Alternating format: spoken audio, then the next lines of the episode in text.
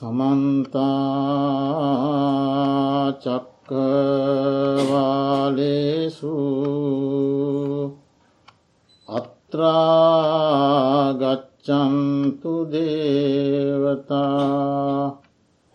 සද්දම්මංමුනිරාජස්ස සුනන්තු සග්ගමොක්කදං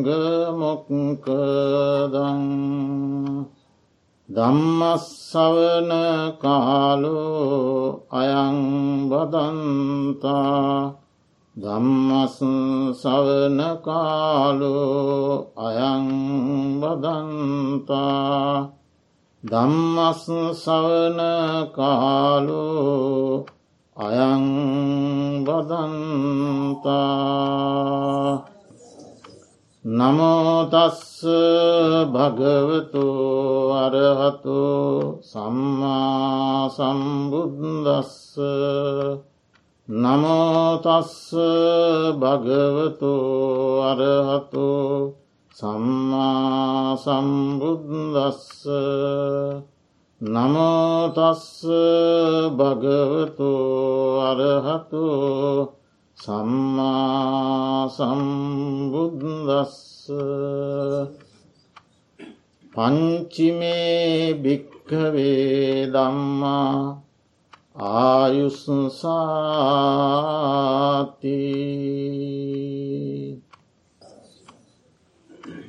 හිවස්ටන් මෙත්තා විහාරවාසී අතිපූජනීය ආචාර්ය උඩගම සුමංගල ස්වාමිපාදයාණන් වහන්සේ මෙත්තා භාවනා මධ්‍යස්ථානාධීපති කම්මට්ඨානාචාර්ය අතිපූජනීය සමිත ස්වාමිපාදයාණන් වහන්සේ ඒ වගේම පූජනීය ඇමරිකාවේ නාලක ස්වාමින් වහන්සේ යන ස්වාමින් වහන්සේලාගෙන් අවසරයි. ශ්‍රද්ධාවන්ත කාරුණික පින්වතුනි හේමක මෙන්ඩිස් මහත්මානන්ගේ ජන්මදිනය නිමිති කරගෙන එතුමාට ආශීරුවාද පාර්ථනා කරමින් හිතවතුන් හිතවතියන් මිතුරු මිතුරියන් විශාල පිරිසක් මෙම විහාරස්ථානය කරා පැමිණ මූලික වතාවත්වල යෙදිලා තිසරණ සහිත පංචසීලය සමාදන් වෙලා ලෝතුරා භාග්‍යවත් අරිහත් සම්මා සම්බුදුරජාණන් වහන්සේගේ සීල සමාධී ප්‍රඥා විමුක්ති විමුක්ති ඥාන දර්ශන මෙත්තා කරුණා මුදිතා උපේක්ෂා ආදී ප්‍රමාණ කළ නොහැකි වචනයෙන් කියා නිම කළ නොහැකි උදාර්තර බුදුගුණයන් උදෙසා. මල් පහන් ගිලම්පස බුද්ධ පූජාවන් පූජා කරමින් තෙරුවන් වන්දනාකොට දැන් සූදානන් වෙන්නේ ධර්මානුශාසනාවට සවන් දෙන්න. ප්‍රථමයෙන් හේමක මහත්මාට ආශීර්වාද කරනවා මෙලව ඇසත් පරලොව ඇසත් භෞතික ඇසත් අධ්‍යාත්මික ඇසත් දියුණු කරගෙන වඩාවර්ධනය කරගෙන පුබුදුවාගෙන ආලෝකමත් කරගෙන තමන්ටත් තම අමුදරුවන්ටත් තම ඥාත හිතයිශීන්ටත් ශාසන ධර්මයට තමන්ගෙන් විය යුතු සේවාව ආත්මාර්ථ පරාර්ථ වශයෙන් සිදු කරන්නට බුද්ධාදී රත්නත්‍රයේ ආශීර්වාදය නිරන්තරයෙන්ම සැලසේවා කියලා අපි කවුරුත් පාර්ථනා කරන ආශීර්වාද කරන. ජන්මදිනයකදී කෙරෙන ධර්ම දේශනා මගේ දැනුමේ හැටියට කොටස් දෙහෙකට බෙදා දක්වන්න පුළුවන්.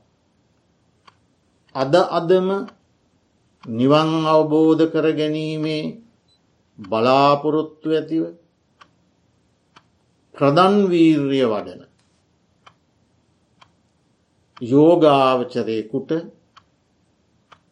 ජන්මදිනයකදී කෙරෙන කිරීමට සුදුසු කළ යුතු ධර්ම දේශනාවක් තිබෙනවා. ඒ දේශනාව කළ යුතු වන්නේ පටිච්ච සමුපාදය චතුරාර්ශත්‍ය යන ගම්බිහීර දේශනා ආශ්‍රය කොටගෙන නිර්වාණයට උපනිශ්‍රය වන ආකාරයකට. කාමබෝගී ගිහිජීවිතයක් ගත කරන අඹුදරුවන් පෝෂණය කරන අප්‍රමාණ ගිහිජීවිතයේ බාධක කම්කටලු මැද ජීවත්වන උපාසක උපාසිකාවකට කළ යුතු ධර්ම දේශනාව අර මුලින් කියන ලද දේශනාවට වඩා ටිකක් වෙනස් විය යුතු බව මගේ හැඟීම. ඒ නිසා හේමක මහත්මාගේ ජන්මදිනය නිමිති කරගෙන ඒ මා විසින් කියන ලද දෙවන අරමුණ ඔස්සේ බුදුරජාණන් වහන්සේගේ දේශනා ආශ්‍රයෙන් කළ යුතු පෙළගස්වාගත යුතු. බොහෝ ධර්ම දේශනා තිබෙන්නේ නමුත් මා අද එයින් එකක් වශයෙන් තෝරාගත්තා ආයුස්ස නැත්නම් අනායුස්ස කියන සූත්‍ර දේශනාව. අපි ජන්මදිනයක් යෙදුන කෙනෙක් විහාරස්ථානයකට පැමිණ ස්වාමින් වහන්සේ නමකට වන්දනාමාන කරලා තෙරුවන් වන්දනා කරලා වෙනත් පුුණ්‍ය කටයුත්තක යෙදුනොත් අපි උපාසක මහත්මාට හෝ උපාසිකාවට හෝ දරුවෙකුට හෝ ආශීර්වාද කරනවා. නිදුක් නිරෝගී සුවය දීර්ඝායුෂ ලැබේවා කියල්. ඒ වගේම අපිට වඩා වැඩිහිටි කෙනෙකුට ගුණයෙන් නුවනින් වයසින් වැඩිහිටි කෙනෙකුට අපි අපේ උපන්දිනය දවසේ වන්දනා කරලා මතක් කළොත් ඒ වැඩිහිටියාත් අපට කියනවා පුතේ දුවේ නුබට දීර්ඝාවිෂ ලැබේවා කිය. ඒක තමයි අපි බොහෝ දෙනාගේ පැතුම. ඒ දීර්ඝායුෂ ලැබේවා කියන පාර්ථනාව ඉතාම හොඳ දෙයක්. එහි කිසිදු වරදක් නෑ. නමුත් අද අපි සාකච්ඡා කරන්නේ ඒ ආශීර්වාදයට එහා ගිය. දීර්ඝායුෂ ලැබීමේ යම් ප්‍රතිපදාවක් බුදුරජාණන් වහන්සේ දේශනා කරලා තිබෙනවා නම් ඒ ප්‍රතිපදාවකුමක්ද කියන කාරණය. ඒ සඳහාත් ධර්මය තුළින් මතු කරගත හැකි බොහෝ කරුණු තිබුණත් මේ ලැබී තිබෙන කාලයට අනුව අපි තෝරාගත්තේ අංගුත්තර නිකායේ පංචක නිපාතයේ ගිලාන වක්ගයේ පටම අනායුස්ස සූත්‍රය සහ දුතිය අනායුස්ස සූත්‍රය.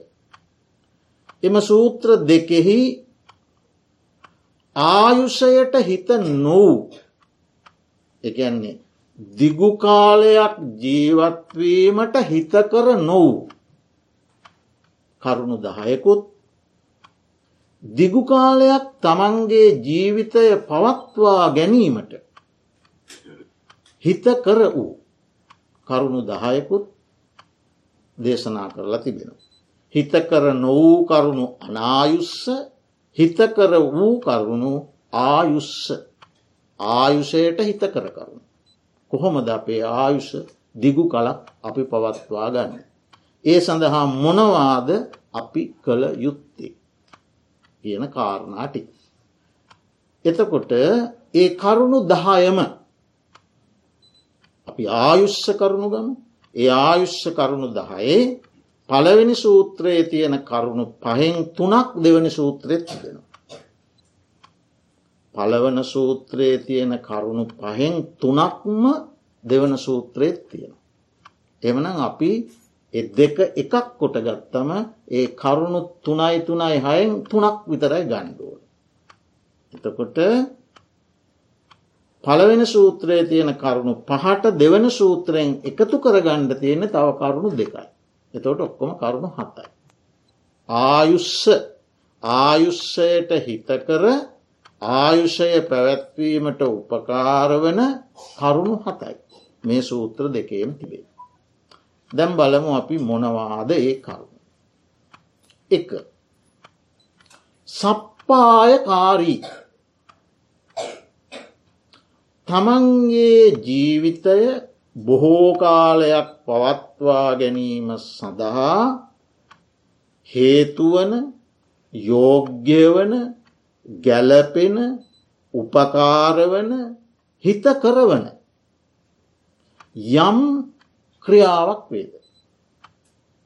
අන්නේ ක්‍රියාව කරන්න ඕන. එතකොට තම අවශ්‍ය පවතින. හිතකර වූ ක්‍රියා කරන්න. දැම් මේ කාරණයට අට්ට කතාවත් අර්ථයක් දෙන්නේ නෑ. බුදුරජාණන් වහන්සේගේ ධර්මයට අර්ථ දෙන අට්ට කතාවත් මේක විස්තර කරන්නේ. එතකොට අපි බොහෝම කල්පනාවෙන් මේකට අර්ථ ගන්නවා. ආයුෂයට හිතකර වූ කරුණු මොනවයි. බොහෝකොට අපිට පසුකාලයේ ඉගැන්වීමලින් දක්නට ලැබෙන්නේ ආහාර පිළිබඳ.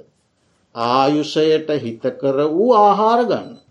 හිතකර නොවන ආහාර තියෙනවන ඒව නොගන්න. බැලූ ඒක කිසිදු වරදක් නෑ. ඒ ඒ ඒ අර්ථ දැක්වීමේ කිසිදු වරදක් නෑ. ආයුෂයට හිතකර නොවන ආහාරපාන තියෙනවන ඒව ගණ්ඩ එපා. ආයුෂය පැවැත්වීමට හිතකර වූ ආහාරපාන තියෙනවා නම් ඒව ගන්න. එහි කිසු වරදක් නෑ. නමුත් මෙතන ඊට එහා ගිය අර්ථයක් තිබෙන බව මගේ අදහස. මොකද අපිට වෙනත් ධර්ම ග්‍රන්ථ කියවීමේදී අපිට හමු වෙනවා පුද්ගලයකුට මිනිසෙකුට සප්පායවන සුදුසු හිත කරවන කරුණු කීපයක්. මේ සූත්‍රය නෙමේ වෙනත් තැන්වල. ඒ මොනවාද. ආහාර සප්පාය. ගැලපෙන සුදුසු යෝග්‍ය ආහාර. තෝට මගේ ජීවිතයට ගැලපෙන ආහාර සමහරට හේමක මහත්තයට නොගැලපෙන්ට පුළුව. අපි දෙන්නටම ගැලපෙන ආහාර තව කෙනෙකුට නොගැලපෙන්න්න පුළුවන්. එතකොට තම තමන් ඒ ආහාර සප්පාය තේරුම් ගන්න. මට ගැලපෙන මට සුදුසු මට යෝග්‍ය මට හිතකර ආහාර මොනවාද. අද ලෝකයේ වැඩි සැලකිල්ලක් නොදන්න නොදක්වන පැත්තක්නේ. ආහාර නිසා අද ලෝකයේ මොන තරම් එදා නොතිබුණ තත්වේ රෝග පීඩා වර්ධනය වෙලා තියෙනවාද. ආහාර සප්පාය. දෙක විහරණ සප්පාය. විහරණ සප්පාය. ඒ කියන්නේ අපේ ජීවිතයේ ඇවතුම් පැවතුම්. අපි ජීවිතය පවත්නා පිළිවෙල. ඇවතුම් පැවතුම් කියලා අපි කියන්නේ. ඒවා නිසි පරිදි නොවුනොත් ඒ ඇවතුම් පැවතුම් නොමග ගියොත් ඒ අපේ ආයුෂයේ පැවැත්මට බලපා. එනිසා ඒ විහරණයන් සප්පාය ලෙස පවත්වන්න කියන ධර්මය. ඊළඟට තුන. රිතු සප්පහාය. අපි එකිනෙකාට නොගැලපෙන ඉරුතූන් තියෙන. දේශගුණික තත්ත්වයන්. ඒ දේශගුණික තත්ත්වයන් සමතුලනය කර ගැනීමට උත්සාහවන්තුවෙන්ටුව. ඒවාගේ විපර්යාශයන් නිසා. දේශගුණික විපර්යාශයන් අපේ ආයුෂයේ පැවැත්මට රෝගපීඩා ඇති කරන්න බලපෑමක් වෙනවා. එයත් සැලකිල්ල දක්වන්න කියන ධර්මය. ඊළඟට පුද්ගල සප්පාය. අපේ අදහස්වලට අපේ චරිතයට අපේ සිතුම් පැතුම්වලට හානිකර නොවන සුදුසු පුද්ගලයෝ ඉන්න. නුසුදුසු පුද්ගලයෝ ඉන්න. ඒ සුදුසු පුද්ගලයන්ගේ ඇසුර. ඒකත් සප්පායක්. නුසුදුසු අයගේ ඇසුර නිසා චිත්ත පීඩායනවා. සිත් තැවුල්ලෙනවා. නොමනා ක්‍රියාවලට පෙළබෙන්න පුළුවන්. ඒ තුළින් අපේ ශරීර සෞඛ්‍යය මානසික සෞඛ්‍යය පිරිහෙන්න හේතු වෙනවා. ඒ නිසා පුද්ගල සප්පාය පිළිබඳ විශේෂයක් දක්වන්නඩුවන.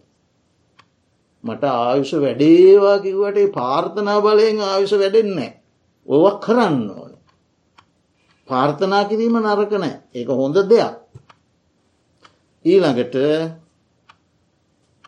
තමන්ගේ සිතුවිලි පැවැත්ම ආයුෂයට බලපාන. නිතර නිතර කාමසිතුවිලි නිතර නිතර දවේශසිතුවිලි නිතර නිතර ඊර්ෂයා සිතුවිලි ඒවා හටගන්න ගියොත්න් ඒ සිතුවිලි තුළින් මනස ලෙඩ වෙනවා ඒ මානසික ලෙඩවීම කයට බලපාන. මෙ විද්‍යාත්මකෝ ඔය පින්වතුම් මට වඩා විද්‍යාව හදාරපු අයි. කොච්චර මේම බුදුහාමුදුරන්ගේ මේ දේශනා ගැලපෙනවාද බලන්න. එතවට මේ සිතුවිලි පැවැත්වීම. තමන්ගේ ශරීර සෞඛ්‍යයේ සහ ආයුෂයේ පවර්ධනයට උපකාර වෙන විදියට සිදු කරන්න. ඔන්න ඔය පහ. ආහාර විහරණ රිතු පුද්ගල සහ සිතුවිලි. සප්පාය. අන්න ඒවා තේරුම් අරගෙන ආහාරත් මේක ඇතුළත් ආහාර විතරක් කියල ගන්න එක මට හිතෙන විදිිය ඒට වඩා සුදුසුයි මෙ සියල්ල සමග සසඳා බලමින් ගලපමින් එවැනි සුදුසු ක්‍රියාතෝර ගන්න තියෙන. ඔන්න ආවිශ වැඩෙන්ට ඒතුවන පලවනදේ. සප්පායකාරි. දෙක. සප්පායේ මත්තං ජානාති. ගැලපෙන සුදුසු යෝග්‍යය හිතකර දේවල්වල වනත් මාත්‍රාව දෙන ගන්න කියන. ප්‍රමාණය ප්‍රමාණය දැනගන්න. අපි බලමු මෙහෙම කොළඹ රෝහල්ට යනකොට අපිට පේනවා ගහල බෝඩ් දැන්වීම් තෙල් සීනි ලුණු ඔබ ලෙඩ කරවයි. හරි එක දැන් ලෝකයේ ප්‍රචලිත මතයක් තෙල් සීනි ලුණු ඔබව ලෙඩ කරවයි. හැබැ මේ තුනම අපිට ප්‍රත්තිය වෙන දේවල්. තේ එකක් බොන්න සීනිමෝන්. කෑමක් රස කරගන්න තෙල් ඕන කෑමක් රස කරගන්නට ලුණුවෝ. හැබැ මේක ප්‍රමාණය ඉක්මවාගියොත් ලෙඩ වෙන. ඒ නිසා මේ ගැලපෙන යෝග්‍ය දේවල්වල වනත් මාත්‍රාව කියනක දැනගන්න කිය. ප්‍රමාණය. ඒවා ප්‍රමාණාත්මකෝ පරිහරණය කරන්න කියන. පරිභෝග කරන්න කියන. දැන්වයි කරුණු දෙක අපි ගත්තොත් භාවනාව පැත්තට. මහා සතිපට්ඨාන සූත්‍ර දේශනාවේ කායානු පස්සනා සතිපට්ඨානයෙහි පළමුවෙන්න ආනාපාන පබ්බ. දෙවැන්න ඉරියාපද පබ්බ. තුන්වෙන්න සම්පජාන පබ්බ. සම්පජානකාරී. ඉදිරියට යෑම හැරී බැලීම ආපසු පැමිණීම අත දිගහැරීම අත හැකිලීම ඔබ මොබ බැලීම පාත්‍රාසිවුරු දැරීම ආහාර අනුභවය පානවර්ග ගැනීම කඩාගෙන කනාහාර කැවිලි පෙවිලියාදී කඩාගෙන කන ආහාර අනුභවය ඒවාගේ රස විඳීම වැසිකිලි කැසිකිලි කිරීම කතා කිරීම කතා නොකර සිටීම මේ හෑම තැනකදීම. සම්පජානකාරී වෙන්ඩ කියන. නුවනින් දැන කරන්න. මේ හැම ක්‍රියාවක්ම නුවනින් දැන කරන්න. එතෝට සම්පජානකාරී කියන වචනය අට්ටකතාචාරීන් වහන්සේ හතරකට බෙදෙන. එක සාත්තක සම්පජන්න. යමක් කිරීමට පෙර එහි අර්ථය විමසා බලන්න. මා කරන මේ ක්‍රියාව මා යන මේ ගමන මා අනුභව කරන මේ ආහාරය මා කතා කරන මේ වචනය අර්ථවද්ද නැද්ද. එයින්මට අර්ථයක් වෙනවාද. අර්ථය බලන්න. දෙක සප්පාය සම්පජන්න. අර්ථවත් වනත් මේක මට ගැලපෙනවද සුදුසුද යෝග්‍යද කියලා බලන්න. එතකොට මේ ආයුෂයට පමණක් නෙමේ අපි මුලින් කිව්වන මේක ආයුෂ්‍ය ධර්මයක් කිය. ආයුෂයට හිත කරයි මේ සප්පායකාරීවීම. ආයුෂයට පමණක් මේ භාවනාවටත් හිත කරයි. සප්පාය සම්පජන්න. ඊළඟට දෙවැන්න අපි කිව්වා ගැලපෙන සුදුසුදේවල උනත් ප්‍රමාණය දැනගන්න. එක භාවනාවටත් අදාළ. සද්දා විරිය සති සමාධී පඤ්ඥා කියලා පංච ඉන්ද්‍රිය පංච බල සත්තිස් බෝධිපාක්ෂික ධර්ම. පංචින්ද්‍රිය පංච බල. ඒ ඉන්ද්‍රිය ධර්ම සහ බලධර්මවලදී සතිය සබ්බත්තිකං වදාමි හැම්ම තැන් හිම තියෙන්ට ඕන. සිහිය කියන එක නිරන්තරයෙන් තියෙන්ට ඕන. ඉතිරි හතර ප්‍රමාණාත්මකෝ සමතුලනය කර ගණ්ඩුව. සද්ධාවයි ප්‍රඥාවයි දෙක එකකට එකක් උස් නොවී පමණ දැන සමනය කර ගණ්ඩුව. එකක් ඉස්සුනොත් භාවනාකාරය හරියාකාරෝ සිද්ධ වෙන. වීර්යසා සමාධිය දෙකත් එකකට එකක් උස්පහත් නොවී සමතුලනය කරගන්නඩුව. එතෝට ඒව පවා ප්‍රමාණ කරගණ්ඩුව. ඒ මං මේ මේ සූත්‍රයෙන් පිටස්තර දෙකක් මේ භාවනා පැත්තෙන් කතා කළේ.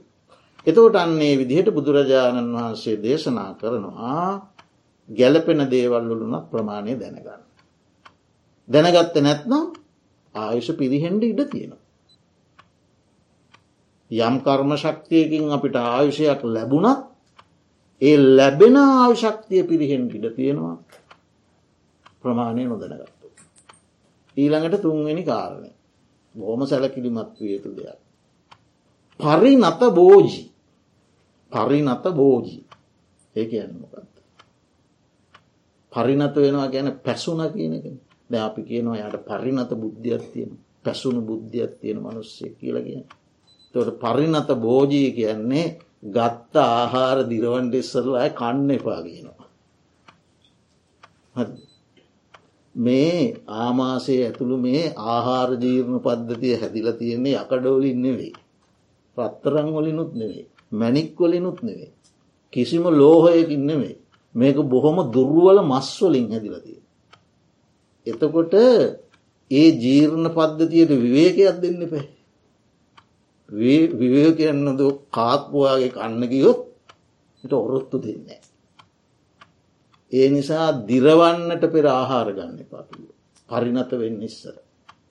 ඔය පොඩි පිස්කට්ටයක් ඔය ගත්තට කමන්නේ බරආහාර ගන්න එපා. ඊට අවශ්‍ය විවේකය දෙන්න. ඒ ඉන්ද්‍රියන්ට. එහෙම නැවත නැවත නැවත නැවත බලවත් ලෙස ආහාර තෘෂ්ණාවෙන් ආහාරගන්න ගියොත් මේදේ තැන්පත්වීම තරබාරු බව ඒත් එක්ක එන අධිරුදිර පීඩනය කොලොස්ටරෝල් ආදී විවීධ රෝගවලට එක හේතුවෙන්න පුළුව. ඒ නිසා අපි පුංචි කාල හිතන් හිටිය කොළඹ මිනිසු හොඳට කනව අපිට නෑ මේ ජීවිතය කියන්න කන දෙයක් කියලා. එම තමා හිතුවේ. ඒ කාල හිතුව උපදුනොත් හොඳට කන්න ඕන කියලා පොඩිකාල දැන් අලුත් මේ ගැන්නුම තමයි ආහාර පාලනය කරන්න නේ ද හැමෝම කියනවන්නේ වයි හැම වෛද්‍යවරයෙක් ළඟට ගයාම කියන්න ආහාර පාලනය කරන්න ඒ කාලෙ තිබුණේ ගැන්වීමන මේ දැන්තිය දැන් වෛද්‍යවරු කියන එක තමයි බුදුහාමුදුර අවුරුද් දෙදස් සාශය පුටුරිදිව කියලති. භෝජනම් හිච මත්තඥු භෝජනයෙහි පමණ දැනගන්න. මාත්‍රාච්ඥ දැනගන්න පමණ ගන්න ආහාරවල. කොහොමද දැනගන්න කිවී ආකාර තුනකට දැනගන්න කිව. පිළිගැනීමේ පමණ දැනගන්න. මොන්න තරන් මට පිළිගැන්නුවත් මම දැනගන්න ඕන මට පුළුවන් ප්‍රමාණි. පිළිගැනීමේ පමණ දැනගන්න. වැලඳීමේ පමණ දැනගන්න. මොන්න තරන් තිබුණත් මට සුදුසු මට ගැලපෙන මට ඔරොත්තු දෙන ප්‍රමාණය මං වලදන්නවා. ඊළඟට නුවනින් සලකා වලදන්න. ඔය කරුණු තුන තමා. භෝජනයෙහි පමණ දැනීම කිය. පිළිගැනීමේ පමණ දන්නවා වැලඳීමේ පමණ දන්නවා නුවනින් සල කලා වලද. ඔය පින්වතුන් දානය පිරිනමෝ අපි අත් දෙක එකතු කරගෙන කියන්න පටිසංකායෝනිසෝ පින්ඩ පාතම් පටිසේවාම් යාවදේව පටිසංකායෝනිසෝ පින්ඩ පාතන් පටිසේවාමි නේවදවායන මදායන මණ්ඩනායන විභූෂනාය යාවදේවයි මස්සකායස්සටිතිය ඒ අපි කියන්න ඒක තමයි. මම මේ ආහාරය වලදන්නේ ක්‍රීඩා කරන්න නෙමෙයි. මද වඩන්න නෙමෙයි. ශරීරයේ අඩු තැම්පුරුවන්නත් නෙමේ. ශරීරයේ පැහැපත් කරන්නත් නෙමේ. මං මේ ආහාරය වලදන්නේ බ්‍රහ්මචාරී ජීවිතයට අනුග්‍රහයක් පිණිස. මේ ශාසන සද්ධර්මය හැසිරෙන්ඩ ආහාරනැතු බෑ. ඒ ප්‍රයෝජනය සල කලා මම ආහාරගන්න. පසුකාලයේ වෙනකොට ඒක ධාතු මනසිකාර සහ පටික්කූල මනසිකාර කියන භාවනා පැත්තටත් ඒ ආහාර වෙළඳීමේ ක්‍රියාවලිය යොදවලා තියෙන. මේ ආහාර වලදන මේ ශරීරයේ පටව්‍යාපෝ තේජෝවායෝ සතරමහා ධාතුන්ගින් නිර්මිත දෙයක්. ධාතු ස්වභාවය. මේ ගන්න ආහාරයක් ධාතු ස්වභාවය. මේ ආහාරය දන්නේ නෑ මේ කුසය නම් වූ ධාතුවට ඇතුල්වන බව. කුසය දන්නෙත් නෑ මාගේ මේ කුසයට ආහාර ඇතුල් වෙන බව. ආහාර දන්න කුසේට ඇතුල්වෙන බව කුසය දන්න ආහාර ඇතුල්වෙන බව. ඒ දෙකම දෙක දන්න මේක විඤ්ඥාන ඇත්ත එක්ක බැඳුන ක්‍රියාවලිය. මේක ධාතු ස්වරූපයක්. තොට මේ ආහාරය භාවනා පැත්තට ගෙනෙනවා ධාතු මනසිකාරය පැත්තට. ඊළඟට මේක ගෙනෙනවා පටික්කූල මනසිකාරය පැත්තට. ඒකත් භාවනාව. ඒ කොහොමද. අන්නම් පානං කාදනීයන් භෝජනංච මහාරහන්. ඒකත් දවාරයන පවිසිත්වා නවත් දවාරයෙහි සන්දති. ආහාරවර්ග පානවර්ග කඩාගෙන කන කැවිලි පෙවිලි මහා රසවත් භෝජන. එක දොරකින් ඇතුල් වෙන මේ ඔක්කොම ඇතුල් කරන්නේ එකම එක දොරකින් නේ? තියෙන දොර. පිට කරනවා දොරව නමයකි පටික්කූල මනසිකාරය ආහාර උපකාර කරන ඊළඟට අන්නම් පානං කාදනීයම් භෝජනංච මහාරහං ඒක රත්ති පරිවාසා සබ්බම් බවති පූතික. ආහාර පානවර්ග කඩාගෙන කන දේවල් එක සියල්ලම එක දොරකින් ඇතුළු කරන. එක රාත්‍රියක් පරණුනාට පස්සේ මේ ඔක්කොම කුණු වූ ස්වභාවයට යන. හරිද. මේ ඇතුළු කරනවා එක රාත්‍රයේ පරණ වෙන්ටුවන පවූදා බලන්නකොට ඔක්කොම සේරම මිශ්‍ර වෙලා කුණු ස්වභාවයකට පත්වෙලා. ඔන්න එකම ආහාරය. තොට ධාතු මනසිකාරය නුවනිය සලකා පරිහරණය කිරීම සහ පටික්කූල මනසිකාරය. තුනටම ගන්නවා. භාවනා පැත්තත් දැනගණ්ඩෝවන්න නිසාතමයි ඒටික කිව්වි. නමුත් මේ සූත්‍රයේදී එච්චර දුර යන්න මේ සූත්‍රයෙන් උගන්නන්න ආහාරයේ දිරවන්නට කලින් නැවත නැවත ආහාර ගණ්ඩිපා. එහෙම ගත්තොත් ලෙඩ වෙන. ලෙඩ වෙනකොට ආයුෂාඩුවෙන. ඒක අනායුෂ්‍ය ධර්මය. ඒ නිසා ඒව ප්‍රමාණාත්මකෝ ගන්න. ඊළඟට හතර විකාලචාරි අකාලෙහි වීති සංචාර කිරීම හොදන. විශේෂ හදිසි අත්‍යවශ්‍ය කටයුත්තකට හැරුණුකොට නිතර නිතර අතන මෙතන ඇවිදින්ට හැසිරෙන්ඩ යන්ටක. එයින් තමන්ගේ ජීවිතයට අනතුරක් තියෙන. ගෙදරොදර ඉන්න අබුදරුවන්ට අනතුරක් තියෙන. ස්වාමි පුරුෂය අරහෙම හැවිදිින්ට කිය. අබුදරුවන්ට අනතුරක් තියෙන. හරිහම්බ කරපු බෝග සම්පත්වලට අනතුරක් තියෙන. තමන් කොච්චර නිවැරදිකරුවෙක් වුණත් අන්න අයගේ සැකයට බඳුන් වෙන්ඩ ඉට තියෙන. වෙනත් අය කරන වරදරකට තමන් හසුවෙන්න ඉඩ තියෙන. මෙ කොච්චර දුරට හිතලා බලන්ට සුදුසු දේවල්ද. ඒ නිසා කාලචාරී වෙන්ඩ. කාලචාරී වුණොත් ආයුෂයට හිත කරයි අකාලචාරී වුණොත් ආයුෂයට අහිත කරයි. ඒ හතර. පහ. බ්‍රහ්මචාරීච පිරිසිදු බ්‍රහ්මචාරී ජීවිතයක් ගත කරන්න. ගත කළොත් ඒ ආයුෂයට හිත කරයි. නැත්තං අහිත කරයි. එතකොට බුද්ධ ශාසනයේ පිළිවෙත් පුරන්නට අදාදම නිවන් අවබෝධ කිරීමේ බලාපොරොත්තුවෙන් ශාසන මාර්ගයට බැසගත් භික්‍ෂු භික්‍ෂුණී දෙපිරිසට වගේ ගිහි ජීවිතයක් ගත කරන අයට බ්‍රහ්මචාරී වෙන්න බෑ. එක අවි අවිවාදයෙන් පිළිගණ්ඩුවන්. ඒ නිසා ගිහි ජීවිතයක් ගත කරන අයට වෙන්න වූ බ්‍රහ්මචාරී බවක් තියෙන. ඒකට කියනො සධාර බ්‍රහ්මචරිය කියලා. තම බිරිඳගෙන් සතුටුවෙන. හරි තම ස්වාමි පුරුෂයාගෙන් සතුටුවෙන. ස්ත්‍රීලෝලත්වයෙන් සහ පුරුෂලෝලත්වයෙන් දන්නා දන්නා කෙනා පස්සේ යන්න ගියොත් එයින් ඇතිවෙන නොයෙකුත් මානසික ආතති ආබාධ මෙන්ම කායිකරෝ වලට එක හේතුවෙන පුළුව. පවුලේ සමගේ බිඳ වැටෙනකොට මනස අවු. මනස අවුල් වෙනකොට තමන් කරන්න වූ වෘතයෙන්හි අවුල් සාගත තත්ත්වයන් ඇතිවෙන. එතකොට දූදරුවන් සහ පියා අතර තියෙන දූදරුවන් සහ මවා අතර තියෙන සාමූහික බැඳීම කඩතුළ වෙන. ඒ තුළුම් ඔවුනොවුන් අතර සමගි සම්පන්න භාවය වෙනුවට වෛරය ඊර්ෂයා පරෝෂ බව මත් වෙන. දෙමවපියන්ගේ ගුණ මකන තත්වයට දරුව පත් වෙන. මව්පියන්ගේ පූජනීයත්වය කෙලෙසෙන. දරුවන්ගේ පෞරුෂය කෙලෙසෙන. ශාලහානි ගොඩක් වෙන. ආයුෂ පිරිහෙනවා පමණක් නොවේ. ඒ තුළින් ඇතිවෙන මානසික පීඩා ආතතිීන් නිසා ශරීරය තුළ විවිධාකාර වූ රෝග ලක්ෂණ හටගන්න රෝග පීඩ හටගන්න. ඒ නිසා බුදුරජාණන් වහන්සේ දේශනා කරනවා බ්‍රහ්මචාරී වෙන්න. ගිහි ජීවිතයක් ගත කරන යටත් පිරිසයෙන් සධාර බ්‍රහ්මචරියවෙන්ට. අනතිචාරීවෙන්ඩ එපා. ස්වාමියයි බිරිඳයි දෙන්නටම පවරන යුතුකම් අතර සමාන යුතුකම තමයි. දෙන්නාට යුතුකම් සහ වගකීම් පහ පහ බුදුරජාණන් වහන්සේ දේශනා කරන ඒ දෙන්නටම පොදු එකක් තියෙන. ඒ තමයි අනතිචාරී. තමන්ගේ ස්වාමිය ඉක්මුවන්ට එපා තමන්ගේ බිරිඳ ඉක්මුවන්ට එපා. ඒ දෙන්න සතුටෙන් සමගියෙන් සහයෝගයෙන් එක්ව ඉන්න. බ්‍රහ්මචාරී. තොට දැන් හිතෙනවා නේද? දීර්ඝාශ ලැබේවා කියනවට වඩා ලොකූ දෙයක් මේ ඇතුළ තියෙනවා ද ලැබේවා කියනක හොඳම දෙයක්. ඒක මම කිසි සේත්ම පා කියන්න කියන්න මෝන මහත්තයටත් අපි කියනවා මේක ඇතුළෙ තියෙනවා ඊට වඩා ලොකූ ගැබුර දැන් ඒ පටමායුෂ්‍ය සූත්‍රයේ තියෙන කරුණු පහ අවසන් දුතිය අනායුෂ්‍ය සූත්‍රයේ තියෙන කරුණු පහෙන් මුලින් ඉගෙනගත්ත කරුණු තුන එක දෙක තුන.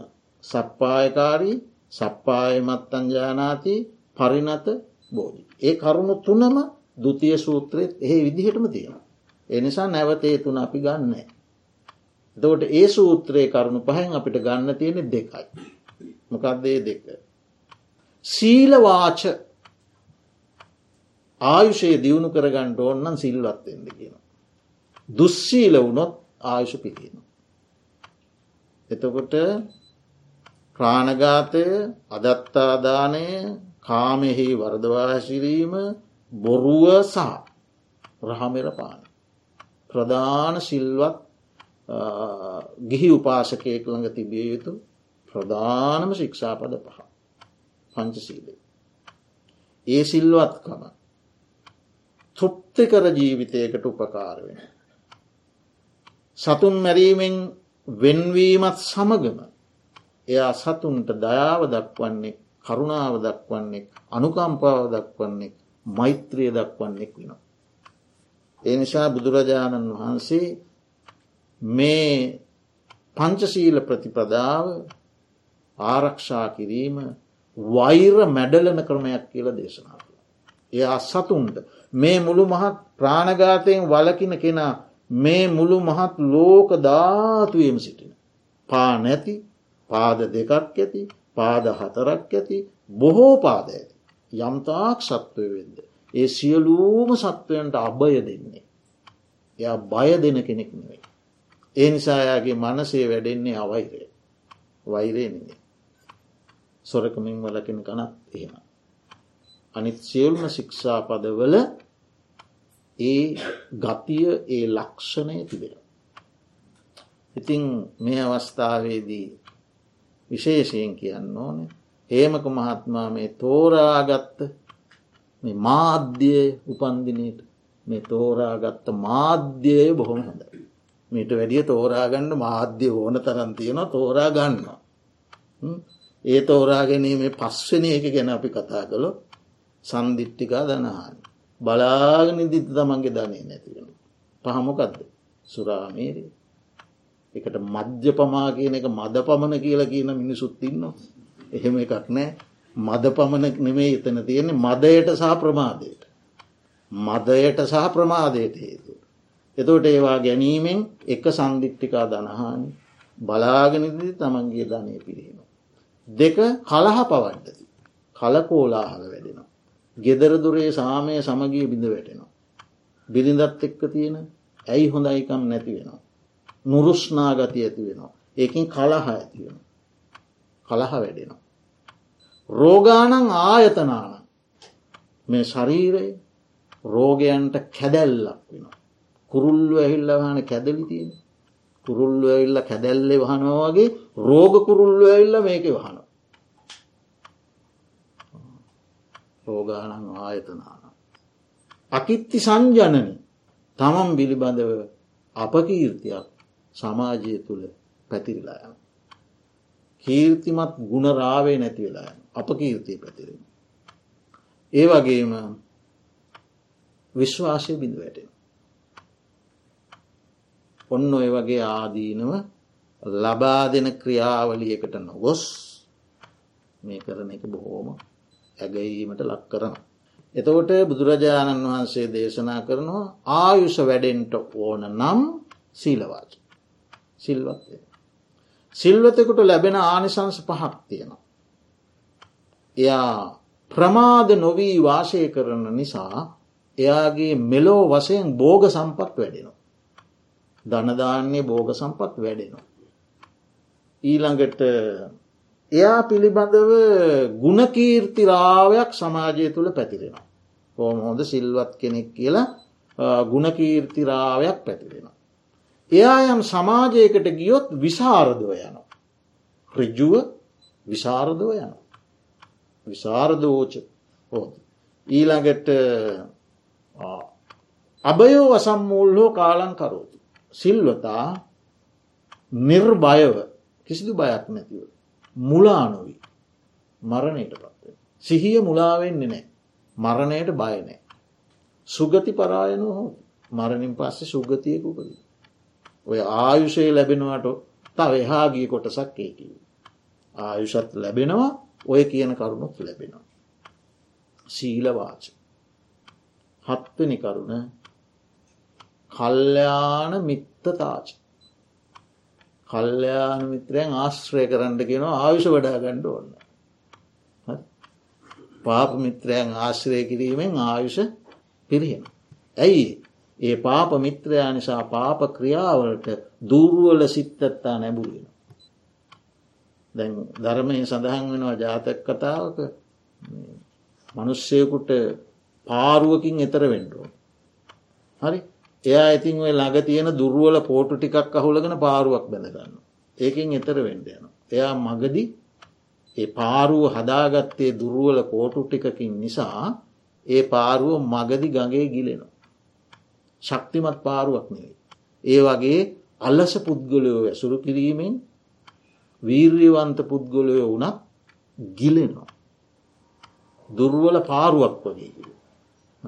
ඒකින් කියන්න බාලයෝ නැතු ඔක්කොම බාලය පැත්තකොත් බලන්න ඇතු ඉන්න කියලා එතින්දි තියෙන හොඳ වචනය ඕක අහන ප්‍රශ්නයක් කවුරු හාමුදුරුවන ඉතින් බාලය ආශ්‍රය කරන්න එපා එපා කිව්වම කවුද මිනිසු ආශ්‍රය කරන්න ඉතින් කොහොමද අපි මිනිසුත් එක්ක ජීවත්තෙන් එකට වචනයක් තියෙනවා. අඥත්‍ර අනුකම්පායි. අනුකම්පාව තියාගෙන අනුකම්පාව අතහරින්න එපා. ඒ බාලයා කෙරෙහි අපේ අනුකම්පාව තියෙන්න්න. හැබැයි එයාගේ දෘෂ්ටි මතවාද හැසිරීම් චර්යාධර්ම අපේ ජීවිතයට ගන්නේ නෑ. එයාට අපේ අනුකම්පාව තියෙන. ඒ අපි කිව්වොත් ආගාත පටිවිනය සූත්‍රය අනු කිවොත් ඈත දුරබැහැර ගමනක් ගිල්ල මගදී කණ්ඩත් නැති බොන්්ඩත් නැති ඇරංගේ වතුරත්තිවර වෙලා ආහාරත්තිවර වෙලා අතරමං වෙච්චි මනුස්සයෙක් කෙන. ඉදිරියෙන් ගමක් පේන්ටත් නෑ පිටිපස්සෙන් ගමක් පේන්ටත් නෑ දෙපැත්තකින් ගමක් පේන්ටත් නෑ වැස්සක සේයාවක්වත් නෑ වැහි ලකුණක්වත් නෑ දැන් අතේ වතුරත් නෑ අතේ ආහාරත් නෑ හැම පැත්තෙන් අසරන වෙච්ච මනුස්සේ. ඒ එයාගේ ප්‍රතිවිරුද්ධ දිසාවට තව මනුස්සයෙක් යන. එයාගේ ඇතේ වතුරත් වීන ආහාරත් වීන. එයාට හම්බෙනෝ මේ අසරන වන මනුස්්‍යය. එතවට මේ ප්‍රතිවිරුද්ධ දිසාවට යන වතුර සහ ආහාර අතේ තියෙන මනුෂ්‍යයා එයාට අනුකම්පා කරන. අහූ මේ මනුෂ්‍යයාට ඉක්මනින් ගමක් ලැබෙනවාන. ඉක්මනින් බැස්සක් එනවන. ඉක්මනින් මේ මනුෂ්‍යය සුවපත් වෙනවන. ඉක්මනින් මේ මනුෂ්‍යය නිරෝගි වෙනවන. කියලාර ඉදිරි පසට එන මනුෂ්‍යය හුට අනුකම්පා කරන. කැමතිනම් අතේ තියෙන වතුරට හෙකුත් දෙෙන බොන්්ඩගේ. ආහාරවලින්ට හෙකුත් දෙනවා. හැබැයි එයාමත්තේ නැහි නැහි එතනල අතර වෙලා ඉන්න ඇමනුස තියෙන ආරොක්කොම නැති කරගෙන. එයා කරන්න තියෙන සංග්‍රහයක් කරල එයාගේ ගමන යනවා. ඒවාගේ අපි බාලව ඇසුරු කරන්න ඕන. ඒයට අනුකම්පාත් කරන්න ඕන. හැබැයි ඒගොල්ලු මත්තේ නැහි නැහි ඒගොල්ලු හදන්ඩ ගිල්ල තමත් විනාස වෙන්න. අනුකම්පාව හිතේ තියාගන්න. එගොල්ලුම් දෘෂ්ටි අදහස් මතවාද තමන්ගේ ජීවිතයට ගන්නේ. ඒ නිසා කල්්‍යයාන මිත්‍රයෙක් ආශ්‍රය කළොත් ආයුෂ වැඩෙනවා බාලයන් ආශ්‍රය කිරීම ආවිෂ පිරිහීමට හේතුවක් වීමට ඉඩ තියෙන. දුරුවල පුද්ගලයාට. එනිසා මුළු සම්මා සම්බුද්ධ ශාසනයම රදා පවතින්නේ කල්්‍යයාන මිත්‍රය ආශ්‍රය උඩ කියල බුදුරජාණන් වහන්සේ දේශනා කළ. ශාසනයෙන් අඩක් නොවේ ආනන්ද මුළු ශාසනය. ට කල්්‍යයාන මිත්‍රයාට සප්පුරුෂයා කියලා කියන්නත් පුළුව. ගිහි කල්්‍යයාන මිත්‍රයෝ සහ පැවිදි කල්්‍යයාන මිත්‍රයෝ කියල කල්්‍යයාන මිත්‍රයෝ දෙකට බෙදන්න පුළුව. ගිහි කල්්‍යයාන මිත්‍රයන්ගේ පැත්තෙන් අපි කතා කළොත් අත්තක්කහායි උපකාරක සමාන සුක දුක්ක ආදී මිත්‍රයෝ. තමන්ට උපකාර කරන අනර්ථයක් නොකරන. උපකාර කිරීමට සැදී පැහැදී සිටින මිත්‍රයා. කල්යන මිත්‍රේ. අත්තක්කහායි තමන්ට නිතරම තමන් යම් වරදකට හසුවන. තමන් යම් අකුසල කරමයක් පාපකර්මයක් කළත් තමන් ක්ලේෂ සහිතව හිටිය. ඒ හැම අවස්ථාවකදීම අර්ථයෙන් තමන්ට අවවාද කරන. තමා වැටුණු අවස්ථාවල අර්ථයෙන් අවවාද කරලා නැගී සිටවන මිත්‍රය කල්ලයන මිත්‍රය. ඒම නැතු ඕවාමතමයි මචන් ඕ ගණන් ගන්න බාපි යම් පොඩ්ඩක් ඕකටියක් එකතු වෙලා සිින්දුවක් කියල මොනහරකිවම ඕ නැතිලා එහෙමන හරියන්න. ඕවා මගේ හැරෙන්ඩත් එක් අපි යමුකු පොඩ්ඩක් කියල පොඩි තව වෙන වැඩකට එකතු කරගෙන යන ඒ කල්්‍යයාන නෙවෙයි. ඒ ප්‍රශ්නය තවත් වැඩි කරන්න යන තත්ත්වයක්. ඒ නිසා අර්ථයෙන් අනුශාසනා කරමින් එයා නැගී සිටුවන. ඊළඟට සමාන සුක දුක්හ දුකේදී සැපේදී දෙකේදීම තමන් සමඟ සමානවඉඳමින් ඒ මිත්‍රභාවයෙන් කටයුතු කරන කෙනා. ති ඔය වගේ ලක්ෂණ තියෙන කල්්‍යයාන මිත්‍රයෝ ගිහි සමාජය තින්න. ඒ වගේම කල්්‍යයාන මිත්‍රයගේ පොදු ලක්ෂණ හතරත් තියෙනවා. සද්ධා සම්පන්නා සීල සම්පන්නා චාග සම්පන්නා පඤ්ඥා සම්පන්න. යම් ගමක හෝ නියම් ගමක හෝ වැඩිහිටි හෝ බාල හෝ වැඩිහිට ප්‍රශ්නයන්නම බාල ප්‍රශ්නකුට. වැඩිහිටි වේවා බාල වේවා. ව්‍යග්ග පජ්ජ සූත්‍රය හොඳට කියවන්න. යමෙක් සද්ධාවන්තන සීලවන්තන නොමසුරුණ පරිත්‍යාගශීලීන. ඥානවන්තව තමන්ගේ ජීවිතය පවත්වනවන. එයා කල්්‍යයාන මිත්‍රයෙක් වශයෙන් තේරුම් අරගෙන ආශ්‍රය කරන්නකිව. එතකොට සද්ධාව නැති දුස්සීල මසුරු ඥානවන්තව තමන්ගේ ජීවිතය හසුරුවන්නේ නැති අය ආශ්‍රය කිරීමෙන් තමන්ට අනර්ථයක් වෙන්න පුළුවන් ආයුෂ පිරිහෙන්ඩත් පුළුවන් බව ගමනත් අසරණ වෙන්න පුළුව. එනිසා කල්ලයාන මිත්‍රයෙක් තෝරගන්න කල්ලයාන මිත්‍රයෙක් සත්පුරුෂයෙක් ආශ්‍රය කිරීමෙන් ආයුෂ වැඩෙනවා පමණක් නොවේ. තව ලැබෙන ආනිසංස ගොඩාක් මොනවදී. සත්පුරුෂයෙක් ආශ්‍රය කළොත් තමයි සද්ධර්මය හන්ට ලැබෙන. හරි සද්ධර්මය ඇහුවොත් තමයි ශ්‍රද්ධාව උපදින්න. නැත්තම් උපදින්න. ශ්‍රද්ධාව ඉපදුනොත් තමයි ඒ ඉගෙනගත්ත ධර්මය නුවනින් මෙනෙහි කරන්න පටන් ගන්න. යෝනි ශෝමනසිකාර. හරි දැන් කල්ලයන මිත්‍රය ආශ්‍රය කලා සද්ධර්මය ඇහුවා සද්ධර්මය ඉපදුනා. මේ සද්ධාව ඉපදුනා. දැන් එයා ඒ ඉගෙනගත්ත දහම නුවනින් මෙනෙහි කරනවා. ඒ මෙනෙහි කිරීමෙන් තමයි සති සම්පජන්නේ ඇතිවෙන්. ඒ සති සම්පජන්නේ තවදුරටත් වැඩීමෙන් තමයි ඉන්ද්‍රිය සංවරය ඇතිවේ. ඉන්ද්‍රිය සංවරය තුළින් තමයි ත්‍රවිධ දුෂ්චරිත ප්‍රහාණයවෙන්. දුෂ්චරිත ප්‍රහාණය වෙලා කාය සුචරිත වාක් සුචරිත මනෝසුචරිත වැඩෙන්නේ ඉන්ද්‍රිය සංවර ඇති. ඒ ත්‍රිවිධ සුචරිතය වැඩීමෙන් තමයි සතර සතිපට්ටාන වැඩෙන්. සතර සතිපට්ටාන වැඩීමෙන් තමයි සප්ත බොජ්ජංග වැඩෙන්. සප්ත බොජ්ජංග වැඩීමෙන් තමයි විද්‍යා විමුක්තිය වැඩෙන්නේ එකන මාර්ග ඥානසා පලත්ඥානසා නිවන වැඩේ. කොහොමද වැඩේ යන දුර. තොට පටන් ගැන්ම කොතනද. කල්්‍යයාන මිත්‍ර ආශ්‍රය. සත්පුරු ශාස්ත්‍රය. අර වැඩ ඉන්න ස්වාමීන් වහන්සේ අද මෙතන ඉන්නේ ඒ අතිපූජනීය කහට පිටිය නායක මාහිම්පාණන් වහන්සේ කියන කල්්‍යයාන මිත්‍ර ඇසුර ලැබුණ නිසා. නැත්තම් මෙතන නෑ. නැත්තම් ඔය ඇත්තුන්ට බණ කියන්න භාවනා කියල දෙන්න ඒ ස්වාමීන් වහස මෙතන නෑ. ඒ නිසා කල්්‍යයාන මිත්‍ර ආශ්‍රය රිජ්ජුවම දිගින් දිගට දිගින් දිගට දිගින් දිගට පුද්ගලයාගේ ජීවිත පැවැත්ම සකස් කරමින් නිර්වාණය දක්වාම ගෙනනවා ආයුෂ වැඩෙනවා පමණක් නෙවේ ඒක එකක් තමයි ආයුෂ වැඩීම. ඒ නිසා දැන් ඔන්න ඔය කරුණු ටික තමයි අද සූත්‍ර දේශනාව තුළින් අපි මතු කරගන්නේ එහෙම නං අපි තේරුම් ගණ්ඩෝනේ බුදුරජාණන් වහන්සේගේ ධර්මය ක්‍රියාවාදයක්. ප්‍රායෝගිකව වැඩිය යුතු ක්‍රියාත්මක කළ යුතු චේතනාපූර්වකව කටයුතු කළ යුතු ධර්මය. ඒ ධර්මයේදී ඔය අනායුෂ සූත්‍ර දෙකේදීම බුදුරජාණන් වහන්සේ උගන්වනවා. මෙන්න මේ මේ විදියට කළොත් ආයුෂ වැඩෙනවා මේ මේ විදියට කළොත් ආයුෂ පිරිහෙනවා දැන් මේ කියන ලද කරු. අනුව අපිට නිගමනය කරන්නට තියෙන්නේ ආයුෂ පිරිහෙන්නේ රෝගීවීම. රෝගීවීම් දෙකක් තියෙනවා. අපේ මනෝවිද්‍යාඥ සිග්මන් ප්‍රොයිට් මහත්මානන් කියන්න පෙර බුදුරජාණන් වහන්සේ අවුරුදු දෙදා සයිසීයකුටුටදි කියනවා අංගුත්තර නිකාය චතුක්ක නිපාතය රෝග සූත්‍රය. දවේමානි භික්කවේ රෝග මානල් රෝගවර්ග දෙකත්තිීම. කතමය දවේ කවර දෙකත්. කායුකෝච රෝගෝ චේතසිකෝච රෝග. මහනනි කායික රෝග සහ චෛතසික රෝග කියන මානසික රෝග.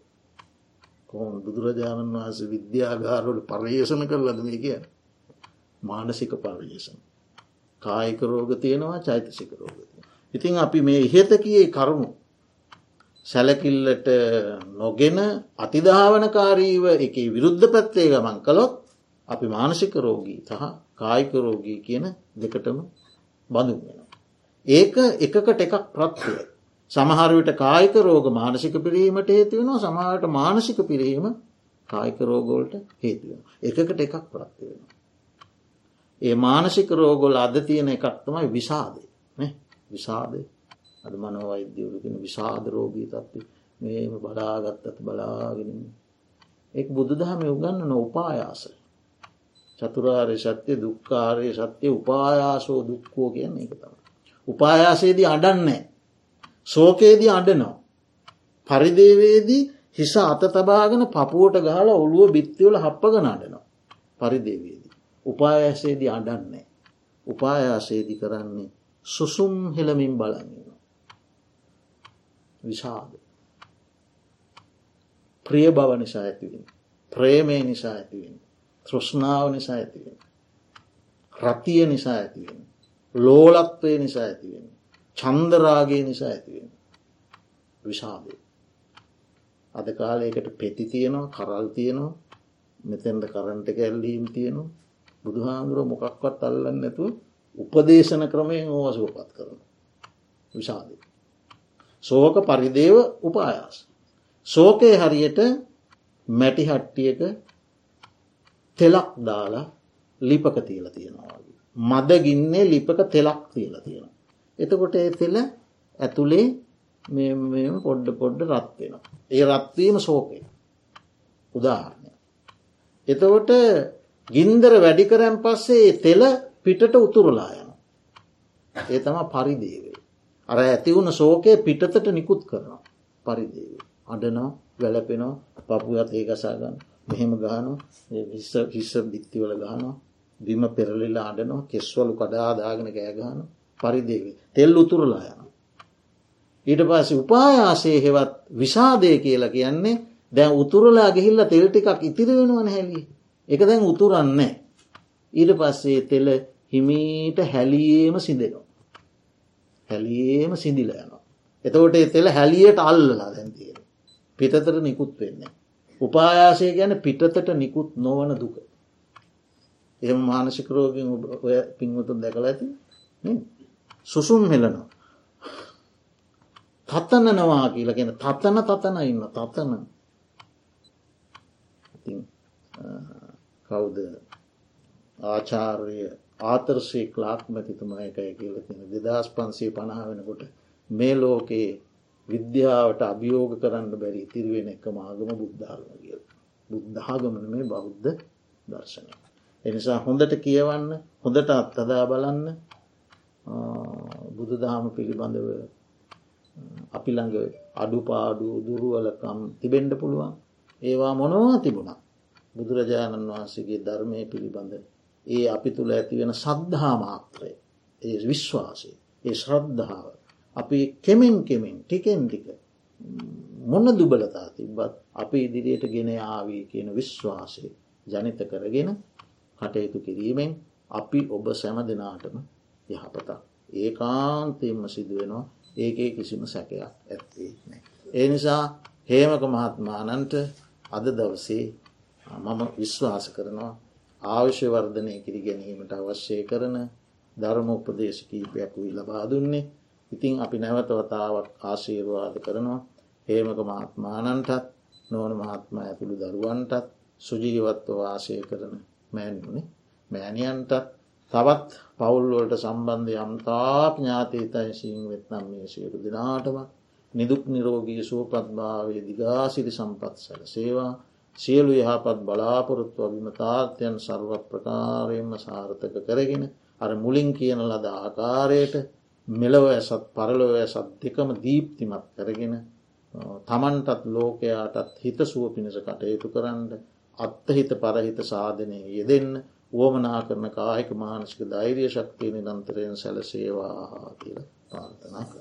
ඒ වගේම ගෞරවනීය ස්වාමීන් වහන්සේලාට ඔබට අවවාදනු ශාසනා කරන මේ විහාරස්ථානය වැඩ සිටින සියලූම ස්වාමීන් වහන්සේලාට ඒ ස්වාමීන් වහන්සේලා පැවිදි බවට පත් කළ ආචාර්ය උපාධ්‍යයන් වහන්සේලාට ධර්මඥානය ලබාදුන් ඒ ධර්මාචාර්ය ගුරුවරුන්ට සියලු දෙනාටමත්.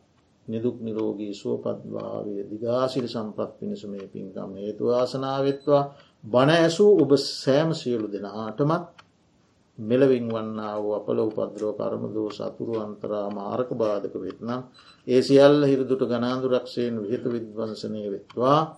මෙලව ජීවිත සතුටෙන් සැනසුමෙන් ගත කරමින් බවගමනත් සුවපත් කරගෙන ඉක්මන් භවයකදීම උතුම් අමාමහා නිර්වාණසුවයෙන් සැනසුම පිණිස හේතුවාසනා වෙත්වා. හේමක මහත්මාගේ ඒ පවුල්වල නමින් පරලෝසපත් යම් තාඥාතීන් වෙත්නම් ඒ සැමටත් ඔබ සියලු දෙනා නමින් පරලෝසපත් සියලු ඥාතීතයිශීන්ටත් ඔවුනොවුන්ගේ ආයති භවයන් සුවපත් කරගෙන තුන් නිවනින් සැනසුම පිණිස හේතුවාසනාවෙත්වා දෙවියන් සහිත ලෝකවාසී සියලු සත්වයන්ද මේ පින් අනුමෝදන් වෙත්වා. සැපතට පත්වෙත්වා දෙවියන්ගේ දිවිය යසයිසුරු වඩහා වර්ධනය වෙත්වා. අප සැම දෙනාටම ආශීර්වාද කරත්වා. දෙවියන්ද උතුම් නිවනින් සැනසෙත්වා. අප සැම දෙනාටම ඉතා ඉක්මන් භවයකදීම ජාතිජරා ව්‍යාධි මරණ සෝක පරිදේව දුක්ක දෝමනස්යන සියලූම දුක්කයන්ගෙන් අතමිදී ලබන උතුම් අමාමහ නිර්වාණ සුවයෙන් සැනසුම පිණිස එකසේම හේතුවේවා වාසනාවේවා උපනිශ්‍රේ වේවා කියන ප්‍රාර්ථනාවෙන් යුක්තව දෙවියන්ට ඥාතීන්ට පින්ගන්න මෝද කර.